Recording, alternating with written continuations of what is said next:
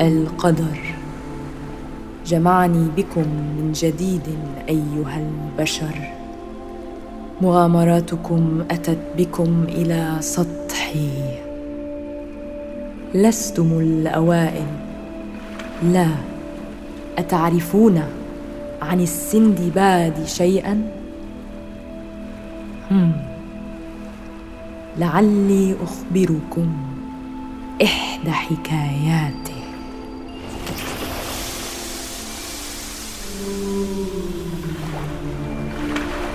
دندن البحارة ألحانا بحرية بينما كانوا يبحثون عن اللآلئ داخل مجموعة من الأصداف وجدوها في البحر.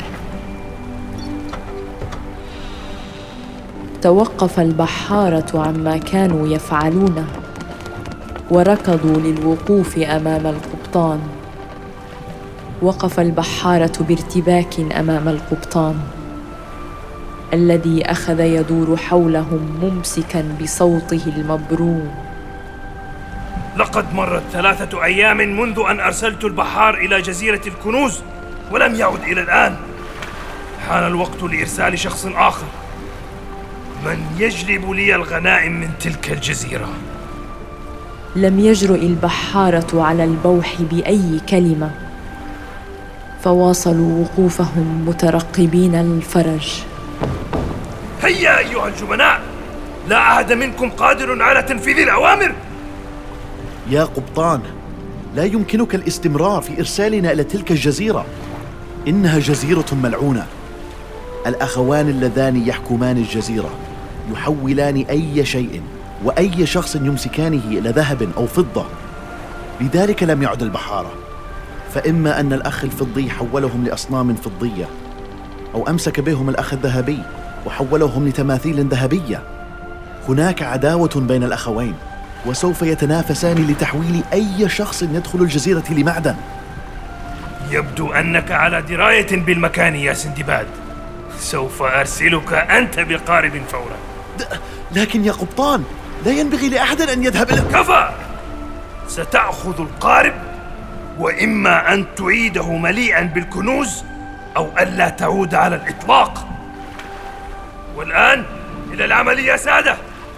أريد أن يمتلئ الدلو باللؤلؤ ركب السندباد القارب الصغير. ثم بدأ بالتجديف باتجاه جزيرة الكنز. وهو يتمتم بحنق. يا لجشعك يا أخ. تنفصل الجزيرة إلى جزء ذهبي وجزء فضي. الأخ الذي يحول الأشياء إلى ذهب. يحكم الطرف الذهبي من الجزيرة. والأخ الذي يحول الأشياء إلى فضة. يحكم الطرف الآخر. اقترب السندباد من الطرف الذهبي للجزيرة. وجر قاربه إلى الشاطئ الهادئ الغريب. أين ضوضاء الأدغال؟ وحفيف الشجر. كل شيء صلب ومصنوع من الذهب في هذه الجزيرة.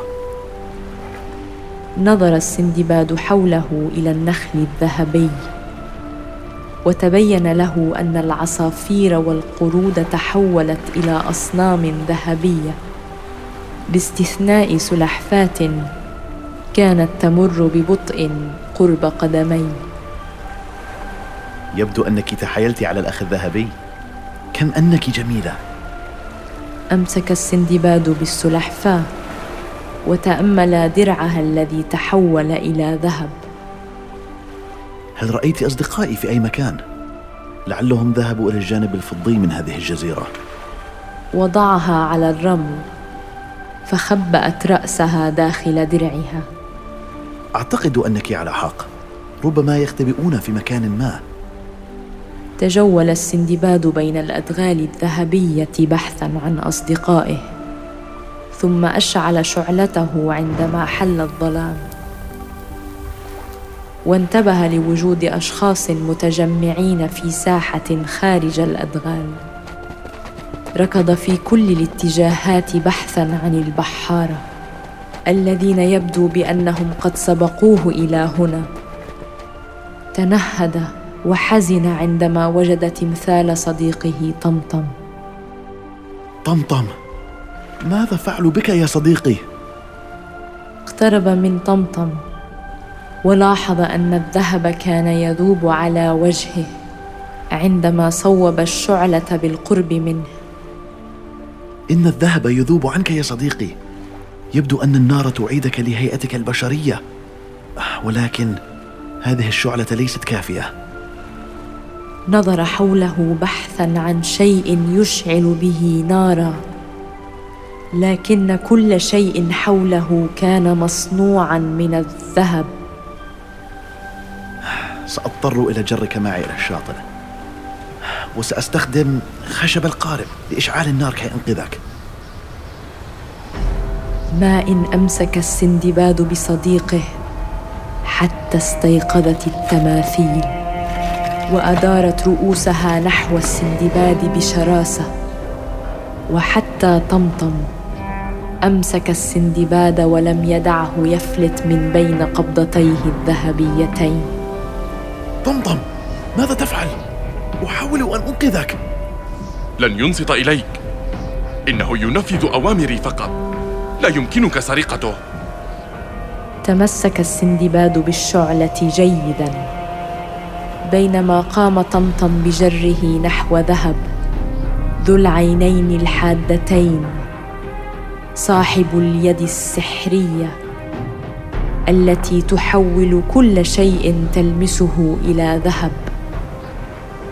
مد ذراعه ليلمس السندباد ببرود. لا تلمسني لم أسرق. إنه صديقي. صديقك لص. وأي شخص يحاول سرقتي أحوله إلى صنم. نحن مجبورون على السرقة. قائدنا إذا جئت لأخذ ممتلكاتي من هذا الجانب حتى يأخذها أخي مني. من هذا القائد الذي يعمل لمصلحة أخي فضة؟ لا إنه مجرد قبطان جشع أعدك ليست لدي أي نية لأن أساعد أخاك فضة. كنت سأحول صديقي لبشر مثلي. كي نهرب بالقارب. ماذا تقصد بتحويل صديقك؟ لا يمكنك فعل ذلك. الذهب ذاب عن وجهه عندما وضعت شعلة النار بالقرب منه. انظر بنفسك. وضع السندباد الشعلة بالقرب من وجه طمطم فأخذ الذهب يذوب من على وجهه أمام ذهب. وكيف ستعيده إلى هيئته بهذه الشعلة الصغيرة؟ أحتاج إلى مزيد من الخشب فحسب. لا يوجد شيء مثل هذا القبيل هنا. هل يمكنك صنع نار من الفضة؟ يمكنني مساعدتك في أخذ الفضة من أخي الخبيث. يمكنني استخدام الخشب من قاربي. إنه بجانب الشاطئ. سوف أحضره الي أريد أن أرى ماذا ستفعل. بأمر من ذهب أحضرت التماثيل المركب من الشاطئ. وسحبوا سندباد وتمثال طمطم إلى داخل قلعة ذهب. حطم سندباد أخشاب القارب بالفأس ثم وضعها جميعا في مجموعة واحدة. أحتاج إلى وعاء كبير مملوء بالماء يتسع لصديقي. أمر ذهب تماثيله بإحضار إناء معدني ضخم. فوضع السندباد صديقه طمطم داخل الإناء ثم ملأه بالماء الذي أحضرته التماثيل الذهبية ثم أشعل الخشب ووضعه تحت الإناء وانتظر حتى يغلي. هل سيذوب صديقك بالماء؟ لا لا. الذهب السحري سوف يذوب عن جسده بفعل الحرارة. بدأت رقائق الذهب تطفو على سطح الماء وعاد طمطم تدريجيا إلى طبيعته.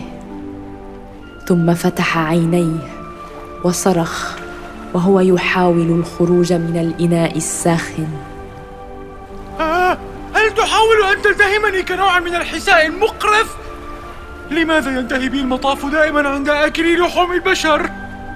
اهدأ يا طمطم. لا أحد يريد أن يلتهمك. ساعد السندباد طمطم على الخروج من الإناء الضخم وعانقه بشدة بينما وقف ذهب في حالة صدمة يتأمل الماء المغلي. لم أكن أعرف أن هذه المياه المغلية تؤثر في ذهبي السحري. علينا أن نسرق حصاني الحبيب الذي حوله أخي إلى الفضة. ونحاول إعادته إلى الحياة داخل هذا الإناء. سندباد لا يمكننا المخاطرة بحياتنا. فضة استولى على العديد من البحارة كي يهزم أخاه. لا تقلق يا طمطم. اسمع يا ذهب. لدي خطة. ولكن عليك أن توافق على مساعدتنا في إعادة بقية البحارة إلى الحياة مرة أخرى أيضا. آه نعم نعم. أفعل أي شيء. أنا أستمع. ما رأيك أن تعيد شيئا يخص أخاك إلى الحياة؟ هذه الطريقة ليس عليك سرقة أي شيء ويمكنك إنهاء هذه الحرب بينك وبين أخيك. بالطبع لا. إنه لا يستحق أن أستسلم له. لن تستسلم له بل أنت تعرض عليه الهدنة. ألا تشعر بالوحدة على هذه الجزيرة؟ لقد أصبحت موحشة بسبب منافستكم. أفترض أنني أستطيع أن أجرب الهدنة. إنها طريقة مثالية. فهو لا يعرف أننا اكتشفنا هذه الطريقة العجيبة لإذابة سحر لمستنا. لقد مللت من هذه المنافسة بيني وبينه بالفعل. حسنا إذن. قم بإحضار شيء يخص أخاك. وضعه في الماء قبل أن نحتاج إلى مزيد من الخشب لغلي الماء. أحضر ذهب ببغاء يخص أخيه فضة. وبعد أن عاد إلى هيئته الطبيعية ذهب الجميع إلى الجانب الفضي من الجزيرة. طرقوا أبواب قلعة فضة الذي فوجئ برؤية الببغاء يستند على كتف أخيه ذهب بريشه الملون الخلاب. ها ببغائي ولكن كيف؟ هل جئت أخيرا للاعتراف بخسارتك؟ بالطبع لا. ولكن خسرنا أغلى ما نملك ونحن نتعارك على السلطة. أحضرت لك آلاتك الموسيقية وببغائك المفضل. فما رأيك أن يكون بيننا هدنه طار الببغاء إلى كتف فضة فابتسم بشوق لببغائه. كيف أعدته إلى هيئته الطبيعية؟ هذا من صنع صديقي الجديد سندباد ولكننا نحتاج إلى العديد من الخشب. كي أوضح لك طريقته. سوف أدلك على الطريقة إذا أحضرت لي حصاني العزيز. ما رأيك؟ ولكن إذا خدعتني بأي طريقة فسوف هل تتهمني بالكذب؟ أنت الذي احتال علي لأخذ الحصان أساسا بسبب غيرتك لأن والدنا أعطاني إياه. لم يعطك إياه. إنه ملك يا شباب هذه الأمور أصبحت خلفكم الآن. ولا تنسوا أن الهدنة سوف تعيد الموسيقى والحياة المبهجة إلى هذه الجزيرة. التزم فضة بالصمت لأنه بالفعل قد اشتاق للعزف على آلاته الموسيقية. فابتسم بتصنع في وجه أخيه وقال حسنا دعني أحضر لك الحصان من الاسطبل. جيد. ولكن نحتاج إلى مزيد من الخشب. هل لديك قارب آخر ملقى في مكان ما يا سندباد؟ دفنت قاربي في الرمال لكننا نحتاج إليه للعودة. يمكنك مساعدتنا للتخلص من القبطان وبعد ذلك سوف نساعدك للحصول على مزيد من الأخشاب. إذا عدت معنا إلى المدينة. أنا موافق. سأذهب معك بنفسي لتحويل ذلك القبطان إلى صنم من ذهب. ولم لا أحوله إلى صنم من الفضة؟ السندباد كان يقصدني أنا بكلامه بالمناسبة. لا لا بل يسعدني أن تأتيا أنتما الاثنان معنا. تسابق الأخوان للصعود مع سندباد على قارب طمطم واتجهوا نحو سفينة القبطان. بدا القبطان متفاجئا. عندما رأى سندباد وبقية طاقمه برفقة الأخوين. أين كنزي يا سندباد؟ لم أعطك القارب لتجلب أصدقائك أحضرت لك ذهب وفضة بنفسيهما. انقض طمطم وسندباد على القبطان وأمسكا به بينما لمس الإخوان القبطان في آن واحد. فتحول إلى تمثال من الذهب والفضة فألقوا به في الماء هاويا إلى القاع. شكرا لكما أيها الأخوان. الآن يمكننا السفر معا لإحضار مزيد من الخشب حتى تتمكنا من إعادة مملكتكما بأكملها إلى وضعها الطبيعي. وننقذ بقية أصدقائنا البحارة. سيكون هذا رائعا. وسوف نعطيكم بالمقابل الذهب الثمين. والفضة الغالية كذلك. نحن جميعا سعداء برفقتكما معنا. أبحروا سويا حتى وصلوا إلى المدينة.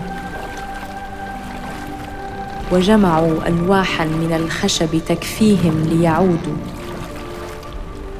ثم وزعوا دلاء وقدورا من الذهب والفضة على كل المدينة. شاكرين لهم مساعدتهم وحسن ضيافتهم. ماذا ستفعلون بعد أن تنقذوا بقية البحارة؟ ابقوا قليلا على الجزيرة كي نحتفل سويا بعصر جديد لجزيرة الكنوز. أه لا أعلم. ما رأيك يا طمطم؟ كما تشاء يا قبطاني العزيز. ضحك السندباد بخجل. واستمتع بأمسية هادئة تحت ضوء القمر بصحبة الأخوين والبحاره بينما كانت السفينة تقترب من جزيرة الكنوز بسلام وأمان.